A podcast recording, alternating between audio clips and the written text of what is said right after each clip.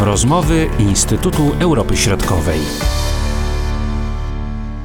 Gościem rozmów Instytutu Europy Środkowej jest Michał Paszkowski. Witam Cię, Michale. Witaj serdecznie. Będziemy rozmawiali oczywiście o paliwach, o tym, co dzieje się teraz na rynkach paliwowych i jak Europa dywersyfikuje dostawy. Jedna z informacji, która do nas dotarła, dotyczy możliwości zakupu właśnie paliw z Rosji za pomocą rubli. Jak oceniać taką sytuację, jak ona wpłynie z jednej strony na jedność europejską i na skuteczność sankcji wobec Rosji? E, jeżeli chodzi o faktycznie jedność tych e, sankcji jakby i ich wprowadzenia, jakby no generalnie dla Rosji jakby tego typu rozwiązanie jest oczywiście, jakby jego celem jest po prostu poróżnienie poszczególnych państw, tak, jakby mechanizm jakby jest zdecydowanie jakby niewielki, jakby no, prosty, wystarczy po prostu zapłacić w, do, dotychczasowej jakby walucie, natomiast w dalszym ciągu jakby automatycznie jest on przewalutowywany na, e, na walutę rosyjską, natomiast no tak jak mamy świadomość, wiele państw po prostu spółek, tak, jakby nie zgodziło się na tego typu manewr.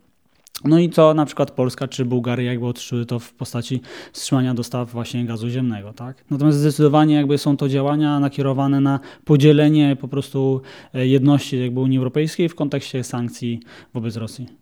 Czy to będzie rozwiązanie dla Rosji z rosyjskiego punktu widzenia, że te straty będzie można minimalizować? Tak, zdecydowanie. Tutaj, jeżeli chodzi o sprzedaż gazu ziemnego oraz ropy naftowej, produktów naftowych, tak, no to jest olbrzymi jakby wpływy budżetowe. Za 2021 136% PKB, a biorąc pod uwagę no, kondycję obecnie gospodarczą Federacji Rosyjskiej, no to niewątpliwie tego typu dochody jakby są niezbędne, tak, jakby dla dalszego funkcjonowania i y, możliwość jakby w dalszym ciągu jakby do, do realizacji jakby tutaj dostaw każdy odbiorca tutaj jakby dla Rosji jest tutaj na wagę złota, jak najbardziej jest po prostu na korzyść Federacji Rosyjskiej, biorąc pod uwagę właśnie te wysokie ceny tych surowców. Jak te ograniczenia, które musi znosić Rosja, jak one wpływają na jej gospodarkę? Jak y, wygląda ograniczenie dostaw i gazu pod względem powiedzmy procentowym i innych paliw? Znaczy, jeżeli chodzi o poszczególne produkty, no to oczywiście by trzeba było długo tutaj jakby rozmawiać. Jeżeli chodzi o ropę naftową, to wiadomo, że około kilka procent y, nastąpił spadek wydobycia. Jest to efekt tego, że e, no po prostu jest mało klientów na ropę naftową z Federacji Rosyjskiej, ale także produkty. Tutaj w pierwszej kolejności e, Rosjanie się posiłkowały tym, żeby zwiększyć dostawy ropy naftowej do rafinerii krajowych, ale one też już nie mogą tak naprawdę przerabiać większej ilości e, ropy naftowej, a tak naprawdę też zmniejszają, z uwagi, że po prostu nie ma zapotrzebowania na ich produkty, więc w tych po prostu sytuacji faktycznie następuje stopniowy spadek wydobycia ropy naftowej. Jeżeli chodzi o gaz ziemny, jakby sytuacja jest w miarę porównywalna, natomiast tutaj, e, tutaj jest to też przede wszystkim trzeba pamiętać o manipulowaniu ze strony Federacji Rosyjskiej tych e, e, kierunków eksportu. Wiadomo, że już całkowicie nie są realizowane dostawy gazociągiem Jamał, maksymalizowane są dostawy Nord Stream 1, no i też tutaj poprzez wiadomo jeszcze z południa Europy też, czy, czy, czy ze Słowacji następuje pewne jakby tutaj ograniczenia. Jak ta sytuacja wpływa na państwa Europy Zachodniej, prawda? No bo tak jak powtarzamy, można powiedzieć, od ponad dwóch miesięcy kij ma dwa końce. O ile Polska w przypadku gazu radzi sobie całkiem dobrze, no to jest wiele państw, które mają poważne problemy, na przykład Słowacja. Tak, zgadza się. Niewątpliwie tutaj kilka państw na pewno ma problemy jakby z wypełnieniem pojemności magazynowych, ale też trzeba pamiętać, że w tej chwili wchodzimy w okres letni, gdzie tak naprawdę zapasy są odbudowywane i tutaj biorąc pod uwagę bardzo duże dostawy gazu ziemnego w formie LNG, jakby umożliwiają jakby stopniowe odbudowy tych e, pojemności. Natomiast no, pewne są problemy techniczne, głównie w kontekście jakby interkonektorów. Około 33% zdolności zdolności regazyfikacyjne w Europie są w Hiszpanii oraz w Portugalii, około 25% w Wielkiej Brytanii i pomimo dużych dostaw e, gazu ziemnego do tych państw, no jakby interkonektory nie są w stanie po prostu zapewnić e, tutaj dostaw tych do, do Europy, można powiedzieć bardziej centralnej, środkowej, e, czy do innych, innych państw europejskich. Ale co ciekawe, na przykład mamy przykład tutaj z Wielkiej Brytanii, gdzie cena gazu ziemnego na giełdzie NBP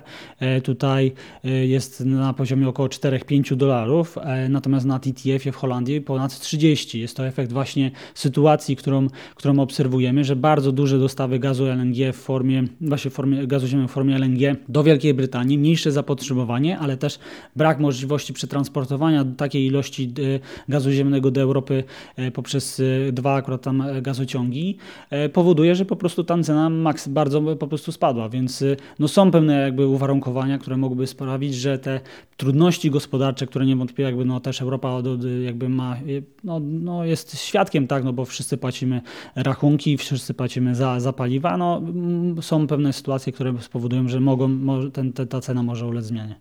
A jaką rolę y, w tej sytuacji ma do odegrania Polska, która właśnie zdywersyfikowała y, swoje źródła y, dostaw? Niedługo, jeśli wszystko dobrze się ułoży, będzie działający Baltic Pipe. I czy właśnie między innymi to źródło, które będzie docierać do naszego kraju, czy ono będzie powodowało, że zwiększy się bezpieczeństwo w naszej części regionu, bezpieczeństwo energetyczne? To znaczy, niewątpliwie tutaj e, to bezpieczeństwo, jeżeli chodzi o Polskę, państwa bałtyckie, jest na wysokim poziomie, biorąc pod uwagę istniejącą infrastrukturę. Natomiast faktycznie, jakby tutaj Polska może odgrywać bardzo ważną rolę w sytuacji, w której zostanie oddany do eksploatacji gazociąg, tutaj konektor Polska-Słowacja. Tutaj, tutaj niewątpliwie jakby będą możliwe tutaj dostawy gazu ziemnego ziemnego właśnie na Słowację, czy też dalej na, do, do Czech. E, tym, tym, to będzie około lipiec tego roku, tak? Jakby już e, można jakby spodziewać się oddania do eksploatacji.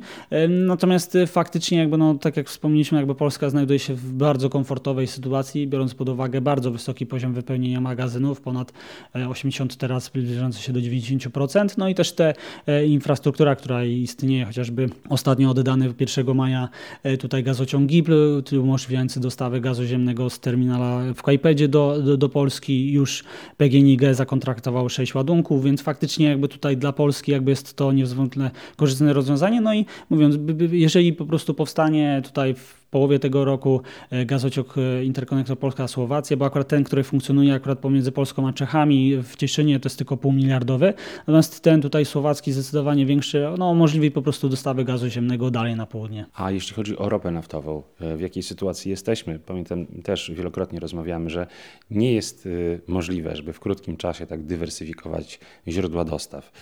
I kłopoty z gazem, o czym mówimy i powtarzamy, no i także z ropą naftową. I jak tutaj szczególnie zachodnie zachodnie państwa, no ale też państwa naszego regionu muszą sobie radzić.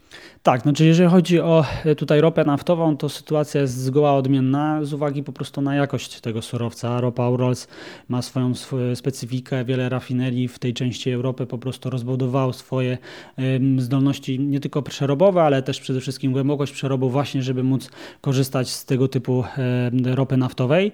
E, no tutaj jeżeli chodzi o logistykę, ona jest tutaj w większości przypadków zapewniona. Tutaj przede przede wszystkim dla rafinerii polskiej, tak mamy terminal e, w, w Gdańsku, natomiast oprócz tego są też, jeżeli chodzi o chociażby e, Węgry, Słowację czy też Czechy, funkcjonują e, tutaj terminale w Trieste, czy też terminal w Omisaj w Chorwacji, więc faktycznie ta logistyka jakby jest zapewniona, natomiast tutaj kluczowym jakby elementem jest zapewnienie dostępności, tak, jakby odpowiedniego gatunku ropy naftowej, no a też trzeba pamiętać, że w sytuacji, w której rafineria maksymalizowała swoją produkcję na konkretnym gatunku ropy naftowej, no to zmiana na inny, no spowoduje, że po prostu wiadomo, że tutaj pod względem optymalizacyjnym zarówno przerobu ulegnie zmianie, no i też może ulec zmianie, jeżeli chodzi o e, uzysk jakby poszczególnych produktów, no i to, tym samym jakby opłacalność przerobu. Tak? Natomiast jak najbardziej jakby w tej chwili można powiedzieć, że logistycznie jakby w większości przypadków rafinerie są przygotowane. Czy y, tutaj mogą y, nastąpić jeszcze jakieś zmiany, jeśli chodzi o dostawców, na przykład y, z Wenezueli? Czy tutaj są takie rozwiązania możliwe? Jeszcze do niedawna wręcz nieprawdopodobne? Znaczy ropa wenezuelska jest dosyć specyficznym e, gatunkiem. Znaczy tam jest oczywiście kilkanaście wydobywanych e, e, gatunków, ale, ale jakby w większości można powiedzieć rafinerie amerykańskie są przystosowane na, na, na tego typu ładunki. Natomiast rafinerie europejskie też zdarzało się w historii, że przerabiały ropę naftową z Wenezueli, natomiast tak naprawdę kluczowym można powiedzieć gatunkiem, czy, czy, czy jakby państwem, które jakby mogłoby zapewnić alternatywne dostawy ropy naftowej do, w kontekście jakby Federacji Rosyjskiej, to jest Iran. Tak? Jakby tutaj niewątpliwie jakby ropa e, irańska, zarówno Iran Heavy, Iran Light są to gatunki, które zarówno były mm, chociażby w Polsce przerabiane, zarówno testowo, jak i w ogóle jakby na instalacjach, e, tutaj w rafinerii w Gdańskiej, więc e, jest to, są to znane gatunki ropy naftowej, które mogą być wykorzystywane i bardzo porównywalnie właśnie właściwościami fizykochemicznymi są do ropy urazy. No ale no, biorąc pod uwagę ten cały proces programu jądrowego, e, tutaj można powiedzieć irańskiego, no on będzie ważył na tym, czy faktycznie jakby te pełne jakby pełen eksport ropy naftowej z tego państwa zostanie tutaj uwolniony. Tak i oczywiście to jest już taka gra w szachy pomiędzy Turcją, Izraelem, Stanami Zjednoczonymi i Rosją oczywiście. Zdecydowanie tak. Tutaj już jest wielka polityka, która no, wpłynie na to, czy, czy Iran y, eksportuje w tej chwili ropę naftową chociażby do Chin, no ale no to akurat jest to państwo, które aż tak sankcjami się nie przejmuje. No inne państwa akurat tutaj w Europie tego typu muszą po prostu jeszcze poczekać na, na, na, na zniesienie sankcji na Iran. Co nas czeka, jeśli możemy cokolwiek przewidzieć w jakimś dłuższym y, okresie, no ale powiedzmy w tym najbliższym czasie, jeśli chodzi o y, sytuację na naszym rynku paliw, jeśli chodzi o ropę, jeśli chodzi o gaz, jak będą kształtowały się ceny, czy może dojść do jeszcze większej zmiany dostawców tych nośników energii? Znaczy, jeżeli chodzi o zmiany dostawców, no to tak, no to niewątpliwie jakby tutaj rafinerie będą się dywersyfikować, będą zmieniały jakby tutaj kierunki dostaw, chociażby ostatnia wizyta ministra Rała w Iranie, i chyba też w Nigerii jakby powoduje, że faktycznie są to kierunki brane pod uwagę przez polskie rafinerie jako źródła importu ropy naftowej. Natomiast jeżeli chodzi o koszty, no to niewątpliwie e, no trzeba pamiętać, że ceny paliw na stacjach raczej, biorąc pod uwagę, że rozpoczynamy dopiero sezon wakacyjny, mogą jeszcze ulec e, no, zwiększeniu. Natomiast jeżeli chodzi o tutaj e, gaz ziemny, no to faktycznie wchodzimy w okres letni, te ceny powinny w miarę się ustabilizować wraz z zwiększeniem tutaj mm, dostępności, no ale też trzeba pamiętać, że chociażby ceny poszczególnych produktów i, i surowców, one są warunkowane w Polsce po prostu tymi notowaniami, które są na giełdach europejskich czy też światowych, więc no tutaj musi się tak naprawdę ustabilizować rynek w kontekście europejskim, globalnym, żeby można było po prostu odczuć jakieś po prostu korzyści tutaj dla obywateli polskich. Bardzo dziękuję, chociaż liczyłem na trochę więcej optymizmu, ale chyba w tej sytuacji się nie da. No niestety nie. Dziękuję, Michał Paszkowski. Dziękuję bardzo.